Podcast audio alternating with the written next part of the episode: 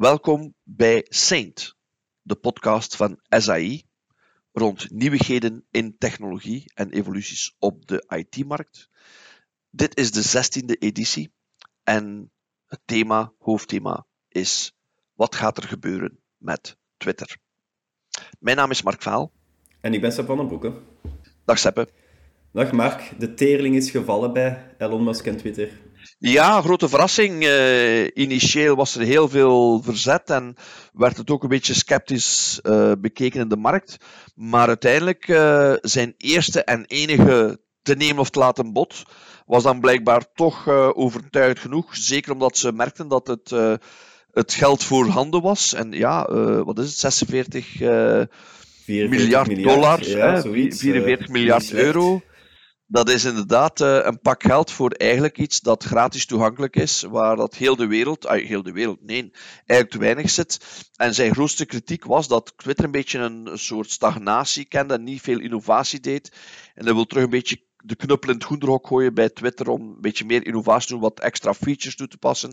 En vooral het winstgevend te maken met een aantal betaalfuncties voor mensen die daarvoor willen betalen. Dus ik denk dat dat is, dat is momenteel de grote vraag. Wat is hij er allemaal mee van plan? Het is een beetje een mix tussen free speech, wat dat er al zeer vele uh, ongemakkelijk maakt op Twitter momenteel. Een mix van het moet winstgevend worden. Een mix van we gaan verificatieopties aanbieden, dat mensen zich moeten... Hij is ook heel sterk tegen bots op Twitter, blijkbaar. Ja. Ehm, en er is ook al gesproken over ja, dat hele algoritme um, dat daarachter zit, dat moet open source worden of daar moet toch meer uh, transparantie in zitten. Daar gaan we het straks ook over hebben trouwens, uh, in het kader van de EU. Maar dat zijn een beetje de ballonnetjes die hij al de lucht heeft uh, ingelaten. Maar niemand weet het zeker op dit moment, wat dat het gaat precies worden. Maar dat zijn zo'n beetje de talking points. Ja, en je voelt heel duidelijk, hè, er zijn twee kampen. Je hebt het kamp die zegt van ja, uh, Elon Musk is, is, een heel doordacht iemand met een heel duidelijk business idee, maar hij laat niet altijd achter van zijn tong zien. Dus hij heeft daar grootse plannen mee en hij gaat dat echt uh, positief doen.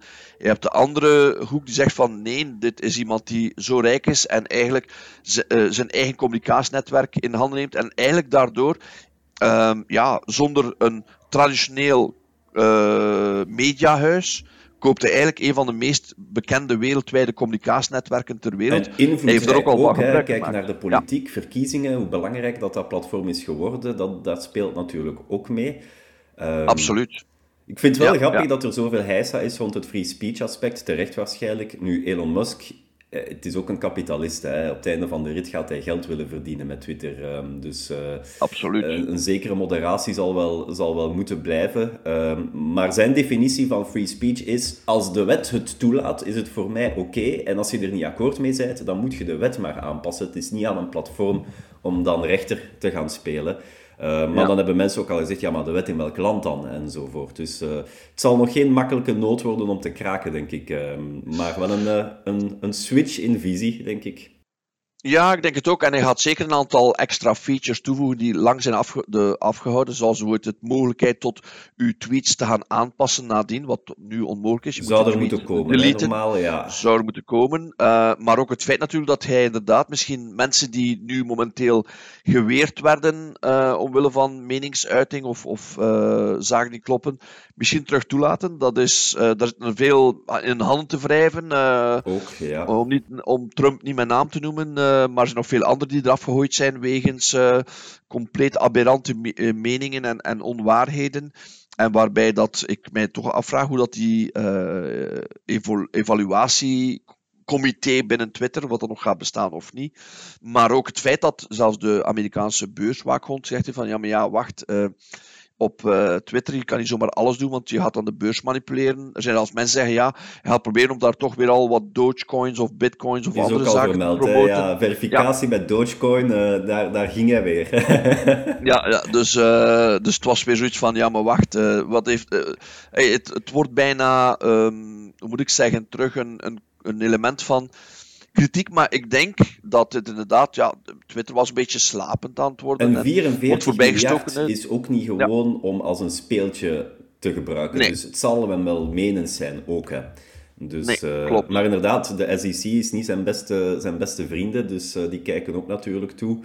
Ehm, ja, het, gaat, eh, het, gaat, eh, het, het, idee van mensen te laten authenticeren, eh, dat is nog niet echt duidelijk wat dat gaat geven, maar je kunt je wel al voorstellen, moest iedereen um, met zijn voor- en achternaam bijvoorbeeld al moeten tweeten, in plaats van anonieme naampjes zoals uh, Mark555865.000, whatever. Waarschijnlijk zou dat op zich al helpen om het extremisme wat weg te nemen. Dat is, en de, dat is en de bots, ja, ja, de bots eruit te halen. Dus dat en de bots, nu ja. kunt jij je 300 accounts aanmaken die dan plotseling allerlei dingen beginnen in te fluisteren.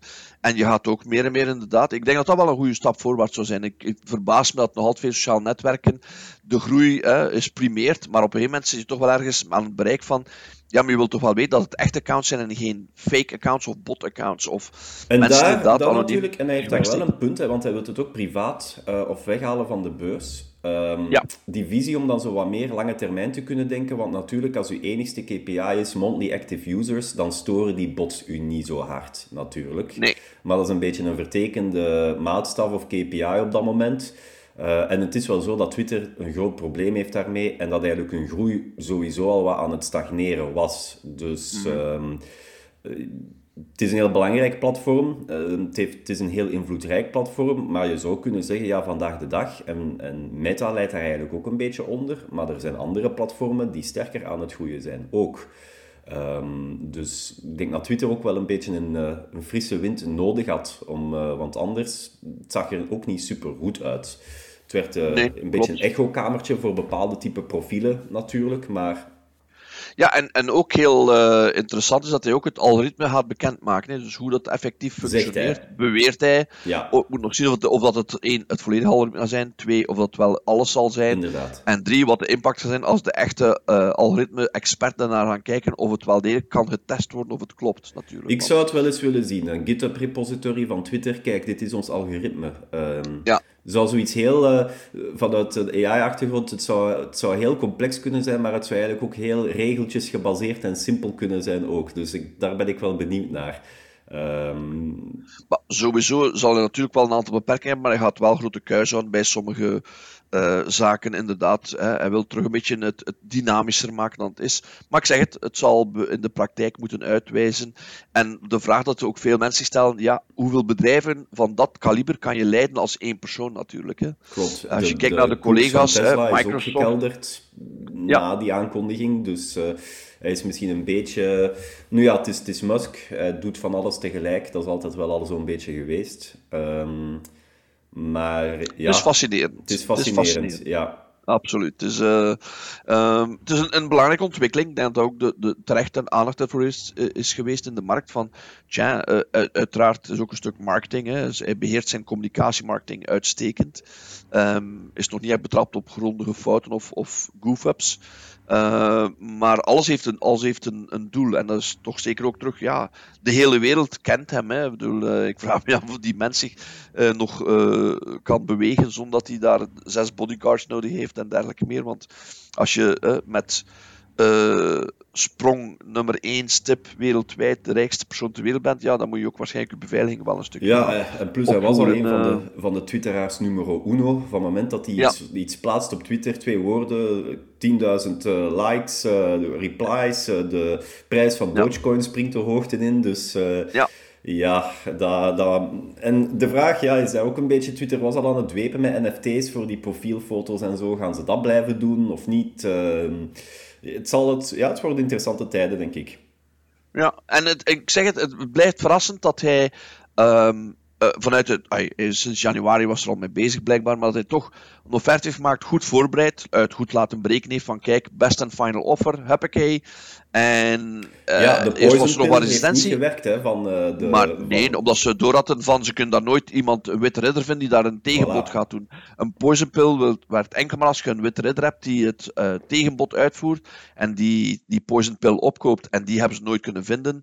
Um, en, en, en zeker ook omdat de grote andere collega's, hè, de GAFA, hè, dus uh, wat is het? Uh, Google, Amazon, Facebook, uh, Apple en misschien zelfs Microsoft, zouden misschien wel interesse hebben gehad, maar die hadden waarschijnlijk wel gedacht van ja, dit is eigenlijk toch een beetje... We hebben onze eigen sociale media bedrijven hè, met Amazon Plus en Apple Plus en ja, plus bedrijven. Ook, Google heeft al zoveel geprobeerd om gelijkaardige social networks. Herinner ja. nog Google Plus, dat is altijd gefaald. Ik denk dat die daar nu een beetje een buik van vol hebben. Um, Facebook had nog een interessante competitor kunnen Ja, maar die hebben dan een, een eigen uh, Facebook. En die zitten helemaal momenteel ondergedompeld in de metaverse. Dus, die voilà. hebben, dus ja. dus dat is geen metaverse, dat zou dan terug een beetje oude tech zijn. Microsoft heeft LinkedIn, dus die zijn ook niet geïnteresseerd in Twitter. Die zeggen van, ja, leuk, maar we hebben LinkedIn wat meer een professioneel netwerk is. En proberen ze toch meer en meer ook B2B te oriënteren. Dus ik vrees, ik denk dat het inderdaad uh, dat de raad van bestuur snel doorhad dat die poison pill niet ging werken. Dat de best and final offer. En zeker ook als je ziet dat bijna de helft in cash is. Ja, dan zullen sommige mensen een zeer mooie bonus hebben verdiend uh, in de komende maanden. Um, zelfs Salesforce, ja, uh, als je dan weet dat zelfs Salesforce in de raad van bestuur zat en zelfs zij hebben, geen interesse hebben in Twitter. Tuur, dan wie wil veel ook die moderatietaak op zich nemen als serieus ogend ja. bedrijf, een B2B bedrijf, ja. dat, dat ga je niet doen hè, dan. Um... En, en voor Elon Musk even het zin, want hij had geen mediakanaal. Ja, is het er wel op, maar hij, had geen echt, hij was geen eigenaar. Terwijl als je kijkt, hè, uh, uh, Facebook heeft zijn mediakanaal, uh, al die miljardairs. Jeff Bezos heeft zijn Washington Post.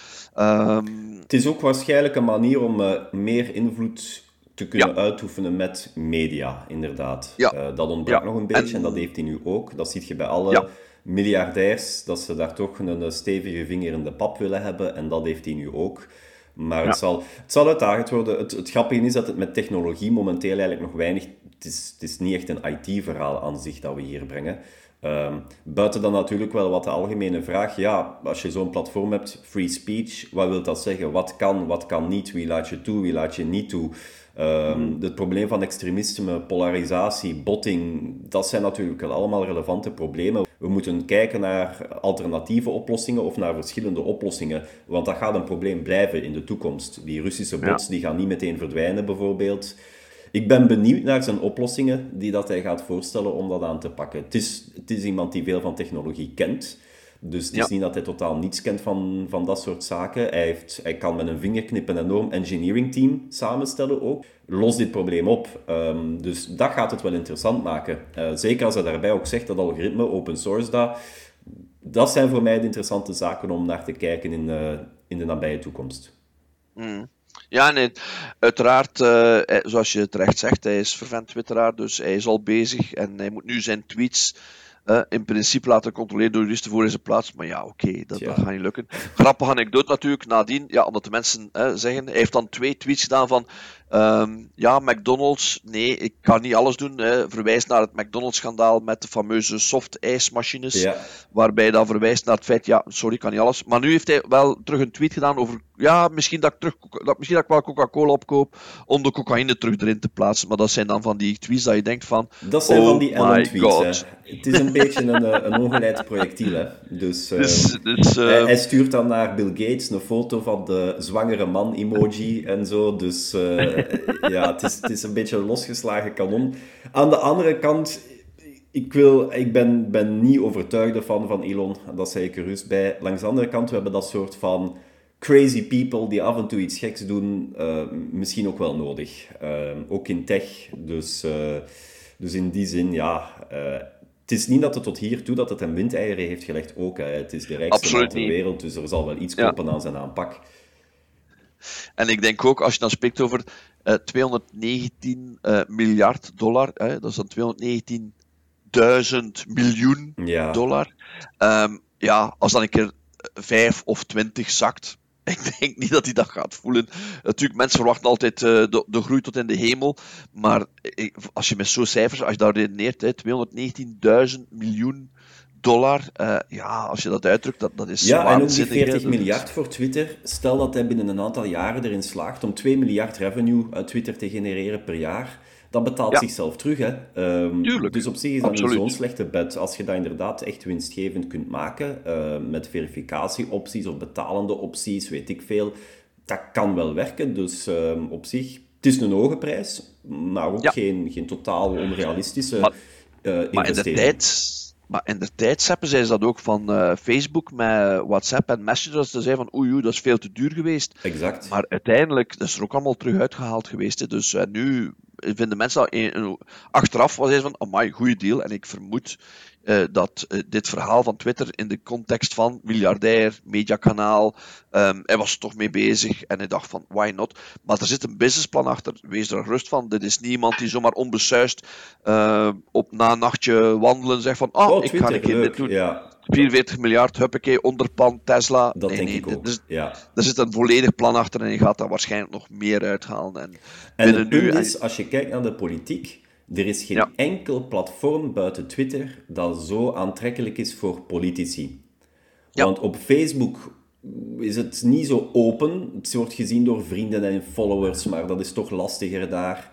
Uh, of door meer in het algemeen publieke figuren zou je zelfs kunnen stellen. Mhm. Op TikTok, dat is te, te kinderachtig met die video's. Dat is niet de stijl van de politici. LinkedIn, dat is ook met connecties, dus dat is ook al in beperkte... Dat is meer B2B. B2B, en, en, kleine circles. Twitter is, is een zeepkist.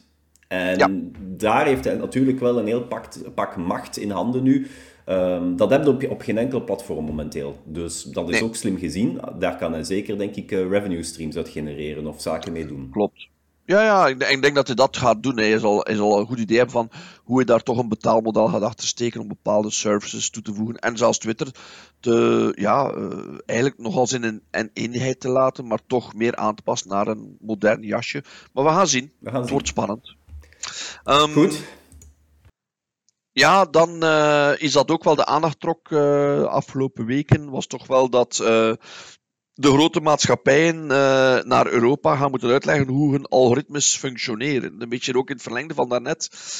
de Digital Services Act in Europa um, is live. Hè? Dus die is, en dus het begint nu langzaam maar zeker concreet te worden wat de impact daarvan is. En een van de impact van de Digital Services Act DSA in Europa is toch wel dat uh, bedrijven, techbedrijven, gaan moeten uitleggen aan Europese uh, overheid van hoe dat hun uh, algoritmes functioneren om te vermijden dat er discriminatie in zit, wat een evidentie is, maar ook toch wel om te kijken of daar geen benadeling in zit, concurrentiële marktcompetitie uh, blijft spelen en dergelijke meer. Dus, uh, en zeker ook naar advertentie en dergelijke, dat men toch wel duidelijk aangeeft van hoe dat functioneert. En ik denk dat dat toch wel een aantal duidelijke verplichtingen met zich meebrengt, die misschien ogenschijnlijk uh, onder de radar zijn gebleven, maar die nu naar boven komen, waarmee men toch wel het onderste uit de kan haal, wil halen, vanuit Europa gezien, en transparantie wil creëren met het behoud uiteraard van de intellectuele eigendom en het, het competitief voordeel uiteraard. Er zijn twee dingen die Europa voornamelijk viseert, is uh, profiling op basis van gepersonaliseerde gegevens voor advertenties, en het andere zijn die recommender systemen, zoals op Twitter, zoals op Facebook, zoals op Netflix, Waarbij dat ze aan de ene kant transparantie vragen. En dat vind ik er een beetje... Dat is voor mij de moeilijke, want de GDPR deed dat eigenlijk ook al. Die zei ook al, als er een conclusie is op basis van automated decision making, dan moet je transparant zijn met het algoritme. Wat is er gebeurd? Algoritmes hebben, um, bedrijven hebben hun uh, license terms aangepast en gezegd van, ah, onze algoritmes werken als volgt. Op basis van jouw variabelen wordt er een geautomatiseerde beslissing genomen, maar eigenlijk leg je niks uit. Hè? Je krijgt geen inzicht in het algoritme zelf. Dat zou eventueel, dat kunnen ze nu nog zeggen. Ja, we gebruiken een heel complexe set van gegevens en je legt het wel uit, maar je legt het eigenlijk heel high level uit. Wat ze wel harder kunnen maken, en dat vind ik er wel goed aan, is dat ze ook zouden afdwingen dat je op die platforms, stel je doet Netflix open, Facebook open, Twitter open, whatever, dat je de keuze zou moeten krijgen om te zeggen, kijk, hoe dat ik er nu mijn feed zie of mijn aanbevelingen, zet het algoritme uit. Het mag niet op basis van gegevens zijn, mijn profiel dat je over mij kent. En dat kan je wel hard maken, want als die optie er niet is, kun je zeggen, ah, waarom is die optie er niet?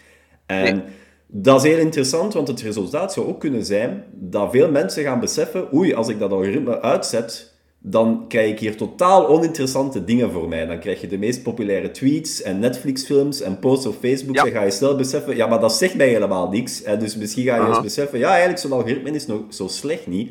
Maar dat vind ik er wel goed aan, omdat je dat hard kan maken. Die transparantie, Tenzij dat je, zoals Elon Musk zegt, we gaan verplichten dat je het open source uh, ergens volledig de broncode publiceert, dan wel. Maar gaat de wetgever dat doen?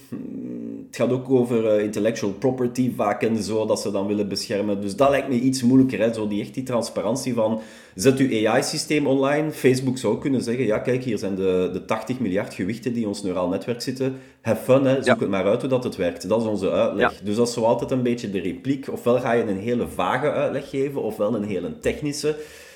Ga je het daarmee snappen als gebruiker? I don't know. Maar het idee van de profiling-optie uit te kunnen zetten, dat vind ik wel een heel goed idee. Ehm, hmm. ook, al, ook al besef je dan van, hmm, profiling kan soms goed zijn, want ik krijg recommendaties die... Uh, ik wil Netflix, ik wil films die mij interesseren. Hè. Ik wil niet de meest populaire films. Maar dat vind ik er wel interessant aan. Ehm, en het is, het is een hot topic hè, voor Europa momenteel, want het nieuws praat ook non-stop over die, het algoritme, hè, dat is nu het woord overal. Het algoritme van Twitter, het algoritme van Facebook. Dus ehm, daar wat meer inzicht in krijgen, of controle op zijn minste. Ja, good for the EU. Um, het, uh, het, zal geen makkie zijn en Facebook is zich al enorm hard aan het verweren ertegen, als een duivel in een wijwatervat, zoals steeds. een andere leuke is, dat het uh, annuleren van subscripties even makkelijk moet zijn als het aangaan van een subscriptie. Ja, daar kun je alleen maar voor zijn als gebruiker um, voor zoiets. Dus dat is ook zo nog een, een duister patroon dat ze eruit willen halen. Dus uh, ja, sommige zijn zo wat vaag.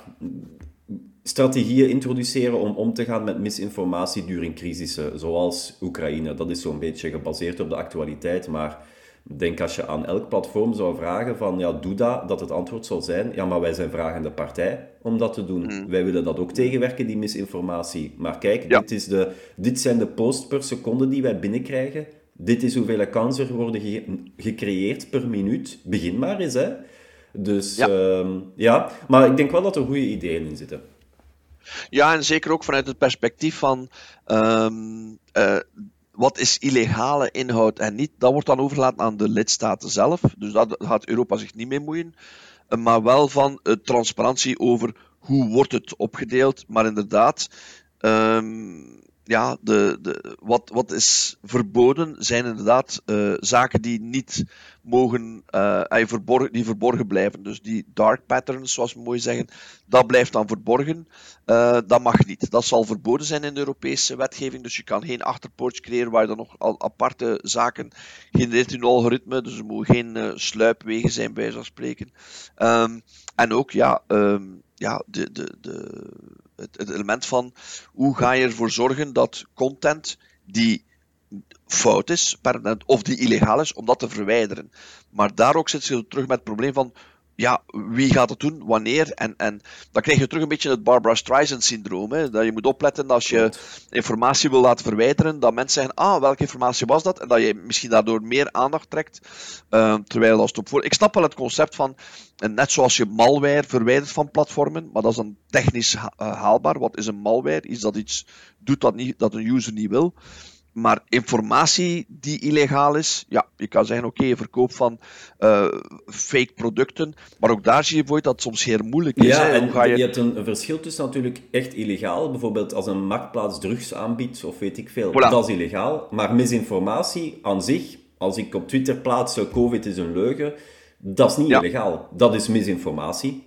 Dat is een domme uitspraak. Wel, of, of is het, of, of, uh, of is het uh, vrijheid van meningsuiting? Of is het vrijheid van meningsuiting? En dat, en dat, dat... dat streept Elon ja. ook wel aan. Je kan beslissen van, je mag niet meer zeggen, COVID bestaat niet. Maar dat is dan een beslissing die moet overgelaten worden aan de wetgevers in de lidstaten. En niet een beslissing die platformen ad hoc voor zichzelf moeten nee, maken. En, klopt. en daar heeft hij wel gelijk dat hij de lijn wat wil rechttrekken, want anders wordt het heel arbitrair het is ook aan de lidstaten en aan de wetgever om dan die lijnen te gaan bepalen. Dat gaat niet makkelijk zijn, um, maar, um, maar daar denk ik wel, zit er iets in. Bijvoorbeeld, je zou kunnen zeggen, kijk, we maken het verspreiden of het zeggen dat um, Rusland uh, in, juist is of in zijn gelijk is, we maken dat illegaal. Voor andere zaken is dat ook al gedaan. We ontkennen van de holocaust. Voilà. Dus daar ligt de lijn heel duidelijk, dat je dat soort uitspraken, dat dat niet kan op platformen. Nee klopt. Maar het is inderdaad een heel moeilijk verhaal om. Uh, en het is nog niet finaal, hè, dus men spreekt van uh, januari 2024 pas. dat het zou finaal worden. Dus we zitten nog met een jaar en een half tijdspannen waar er waarschijnlijk nog heel veel aanpassingen en modificaties van de tekst zullen gebeuren. Laten we hopen dat ze niet te veel verwateren, want dan krijg je terug iets dat eigenlijk een dode mus is. Maar het feit is wel dat men toch probeert die transparantie te creëren zonder inbreuk op de intellectuele eigendom en de uh, het competitief voordeel dat een bedrijf heeft omwille van het algoritme dat ze ontwikkeld hebben, want er zit wel heel veel kennis en tijd in, dat, dat begrijp ik. Maar je moet ergens toch wel een aantal zaken te kunnen uithalen. Nu, ik vraag me ook af, Seppe, in welke mate dat daar mensen zullen zijn binnen Europa, binnen de overheid of binnen de Europese instellingen, die de capaciteit en de competentie hebben om dat te gaan beoordelen. Want dat, ik kan me niet inbeelden dat je dat... ook soms. De dat angst is van... altijd bij dit soort van bullet points van we gaan dit doen, we gaan dit doen, we gaan dit doen. Ja, maar snap je ook de technologie die erachter zit? Want je kunt wel iets vragen, maar Plus, plus het, de volgende vraag die ik me altijd stel, is een beetje ook in, het kader van veiligheid, is van, het kan wel nu in orde zijn het algoritme, maar wat als dat algoritme wordt aangepast elke drie maanden? Moet je dan terug door heel die keten gaan? Dus uh, algoritmes worden aangepast, worden gefine-tuned, worden verfijnd op een continue basis. Hè? Een beetje DevOps-style, development operations. Dus eh, hoe ga je daarmee om dat dat algoritme zelf ook wordt aangepast en wordt verfijnd doorheen de tijd? Hoe ga je daar dan mee om? Dus dat mechanisme wil ook wel van continuous integration en continuous deployment, een nieuwe wending van continuous transparency. Laat ons hopen. Ja, ja, en, continu en continuous monitoring. Hè, want uh, voilà. uh, als men verzwijgt als uh, vermoord omdat het aangepast is en het moet ontdekt worden door, ja, inderdaad, dan, dan wordt misschien een nieuwe term. Ja. ja.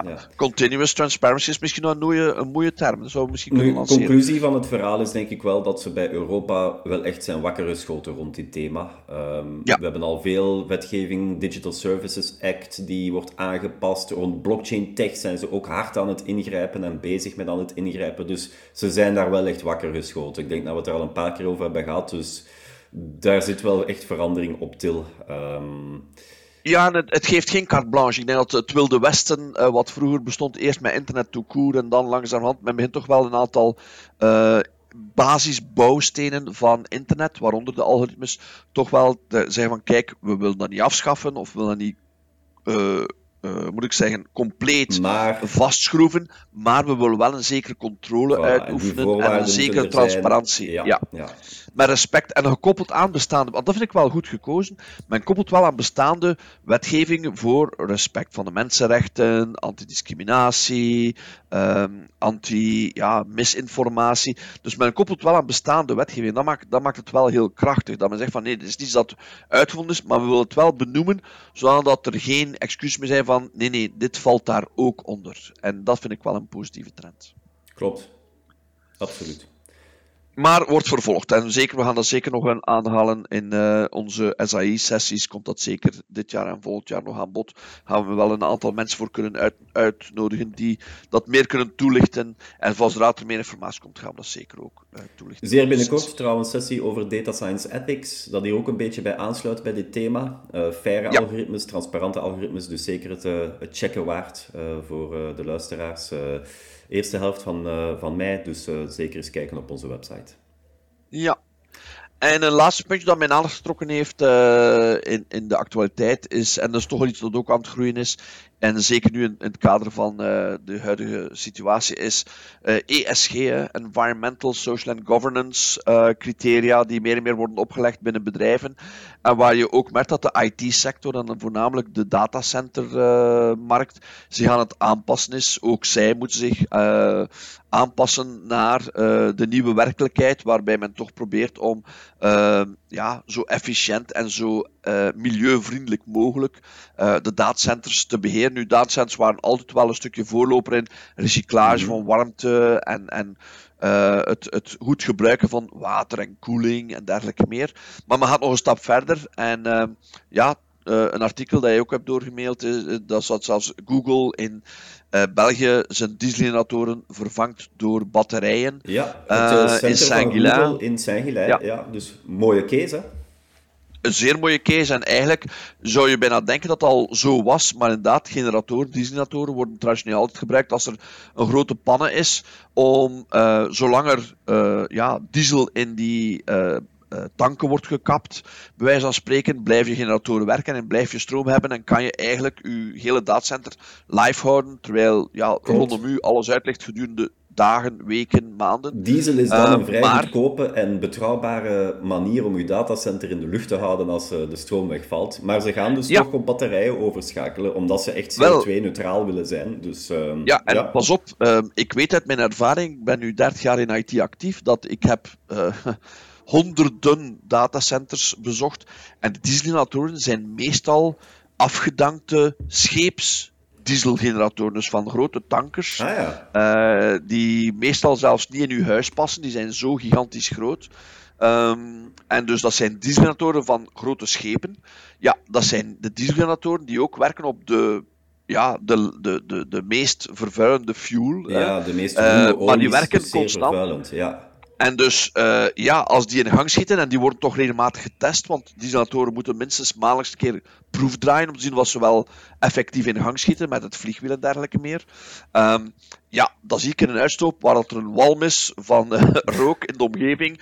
Net alsof er een brand is uitgebarsten. Hè. Ik bedoel, dat is een gigantische uh, uitstoot van uh, CO2, waarbij dat, je mag niet vergeten, dieselatoren worden in principe nooit gebruikt, dus eigenlijk echt een grote pannen is, maar die worden wel maandelijks getest of regelmatig getest en dan gaan die wel even een keer, plus dat die constant verwarmd staan, die staan eigenlijk permanent aan, klaar, ja. klaar om in gang te schieten.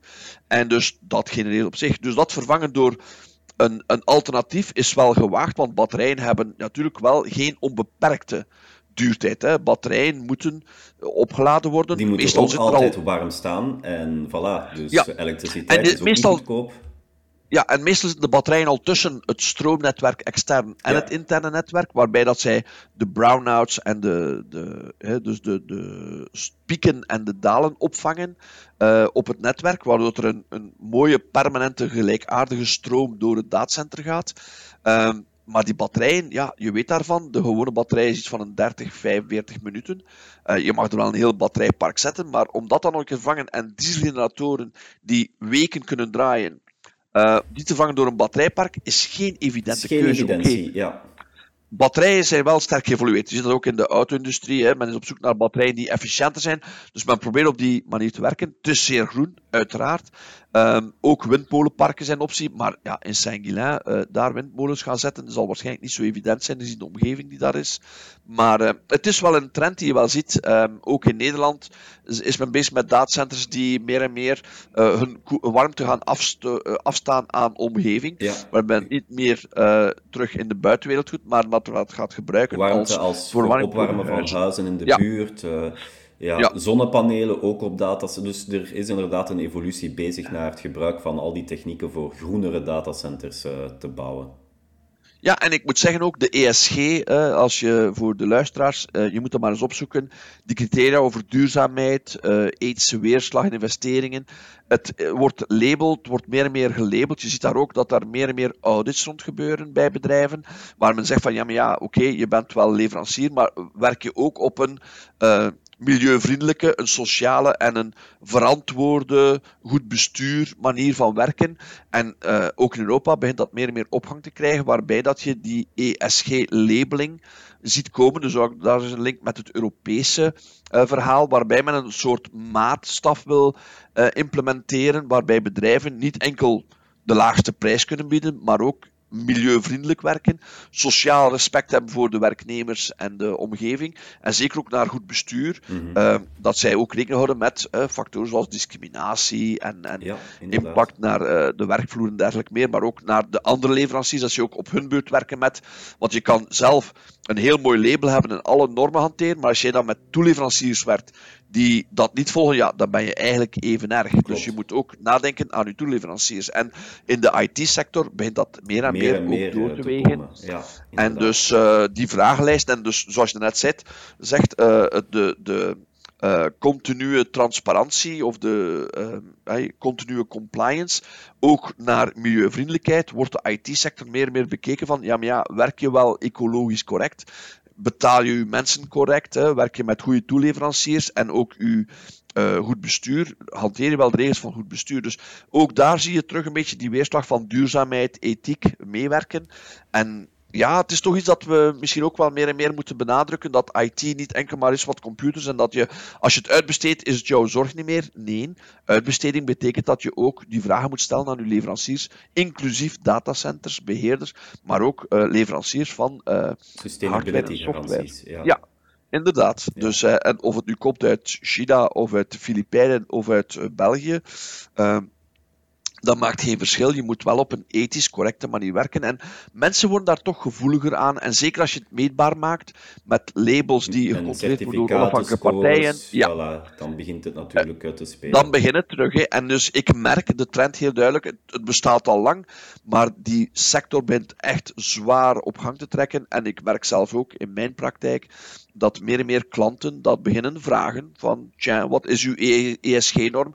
Kan u deze ESG-vragenlijst invullen, uh, die dan bij het contract wordt bijgevoegd als een addendum, uh, waarbij u bevestigt dat u volgens deze normen werkt, omdat we dat zelf ook willen doen. En dus je krijgt een soort keten syndroom, waarbij dus de Hanse keten moet volgen. Of als je dat niet volgt, dan word je eruit gehaald en verlies je je contract. Zo simpel is het. Um, het is uh, terug langzaam aan het opschalen. Ik vind het terug een positieve evolutie, want het is belangrijk. Hè, als je kijkt naar de schandalen in België rond alles wat te maken heeft met pakket, pakjesleveringen. Um, ook daar uh, in IT, we bestellen heel veel IT-materiaal, maar het moet wel geleverd worden volgens een ethische en sociaal en goed bestuur manier van werken. Dus ook daar zie je toch wel dat de maatschappij langzaam maar zeker bepaalde criteria gaat opstellen, niet enkel puur financieel, maar ook meer naar, ja, uh, werk je wel volgens verwachtingen die wij inschrijven als correct, zonder dat je ja, uh, mensen uitbuit en kinderarbeid genereert en dergelijke meer. Um, en dat vind ik een positieve evolutie. Dus ik vind het ook wel goed dat ook de datacenters, maar ook de IT-sector in het algemeen, meer en meer zich inschrijft in die ESG-criteria uh, die aanwezig zijn. Dus dat is wel positief. Inderdaad. Voilà, ik vond het leuk om terug eens uh, een aantal actuele thema's door te lichten. Het geeft ook inspiratie voor onze volgende thema's. Uh, we gaan zeker in het najaar uh, nog een aantal extra thema's in onze zes domeinen toelichten. En ik hoop dat ook voor de luisteraars het nuttig is. En uiteraard alle commentaar is welkom via de gebruikelijke kanalen. Bedankt Seppe, tot de volgende keer. Tot de volgende.